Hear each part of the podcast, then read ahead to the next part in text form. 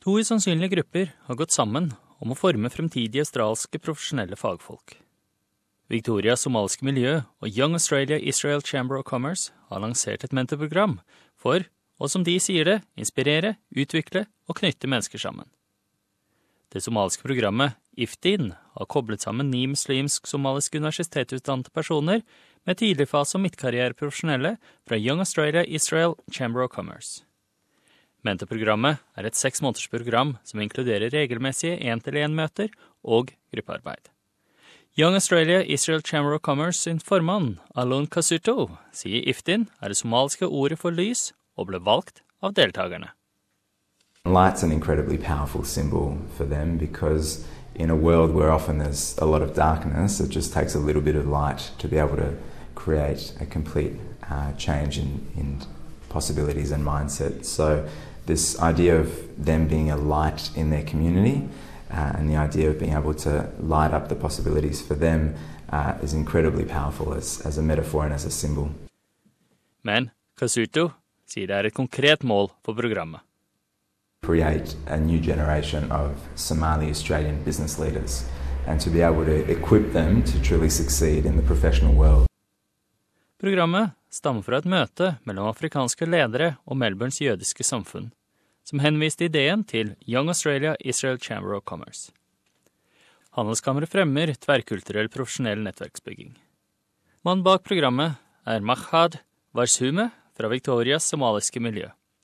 Han sier det er en idé han håper vil bidra til å bekjempe barrierer og fordommer i arbeidslivet.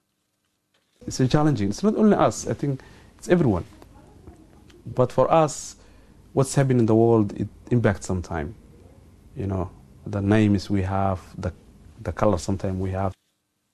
Alon Kosuto fra Handelskammeret sier at selv om akademikere ofte har sterke akademiske resultater og kvalifikasjoner, kan det være vanskelig å finne jobber i sine utvalgte felt. Somali graduates had gotten incredibly good marks at university, had graduated from the top universities, but then didn't necessarily know where to from there. They didn't have people in their families or in their community that they could turn to to be able to get work experience or internships or um, interviews. And time and again, when they applied for jobs, they found themselves not being able to get a foot in the door. Abdurrahman Ahmed, nå deltaker i Iftin mentorprogrammet, er kjent med det problemet.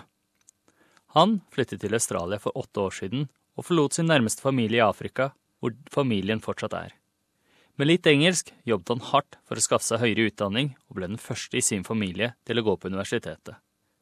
Han ble uteksaminert i fjor med æresbevisning. Men siden den gang har han stort sett jobbet som en sikkerhetsvakt. Nå sier han at han har fått fornyet håp fra IFTIN-programmet.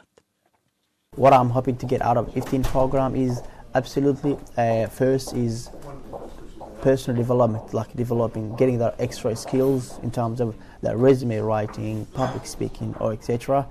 And uh, second thing is get employed into the industry, engineering. Mentorene sier de også drar nytte av programmet. De sier de kommer til å vokse og utvikle seg som ledere og føle seg bemyndiget til å bidra til det flerkulturelle Australia. Ahmed har blitt koblet sammen med mentor Rita Chandra, som sier hun forstår noen av vanskelighetene. I have keen interest in working with other young professionals and graduates and helping them kind of into the industry. It is a bit of a tough industry to get into. And the second reason is I think that it is a little bit tougher for first generation migrants. Um, there are some social norms and that kind of level of integration and getting into the job market that is a little bit tougher. Handelskammeret sier de vil se på potensielt rullet programmet i en bredere skala, etter allerede har blitt kontaktet av det sørsudanesiske og kongolesiske miljøet.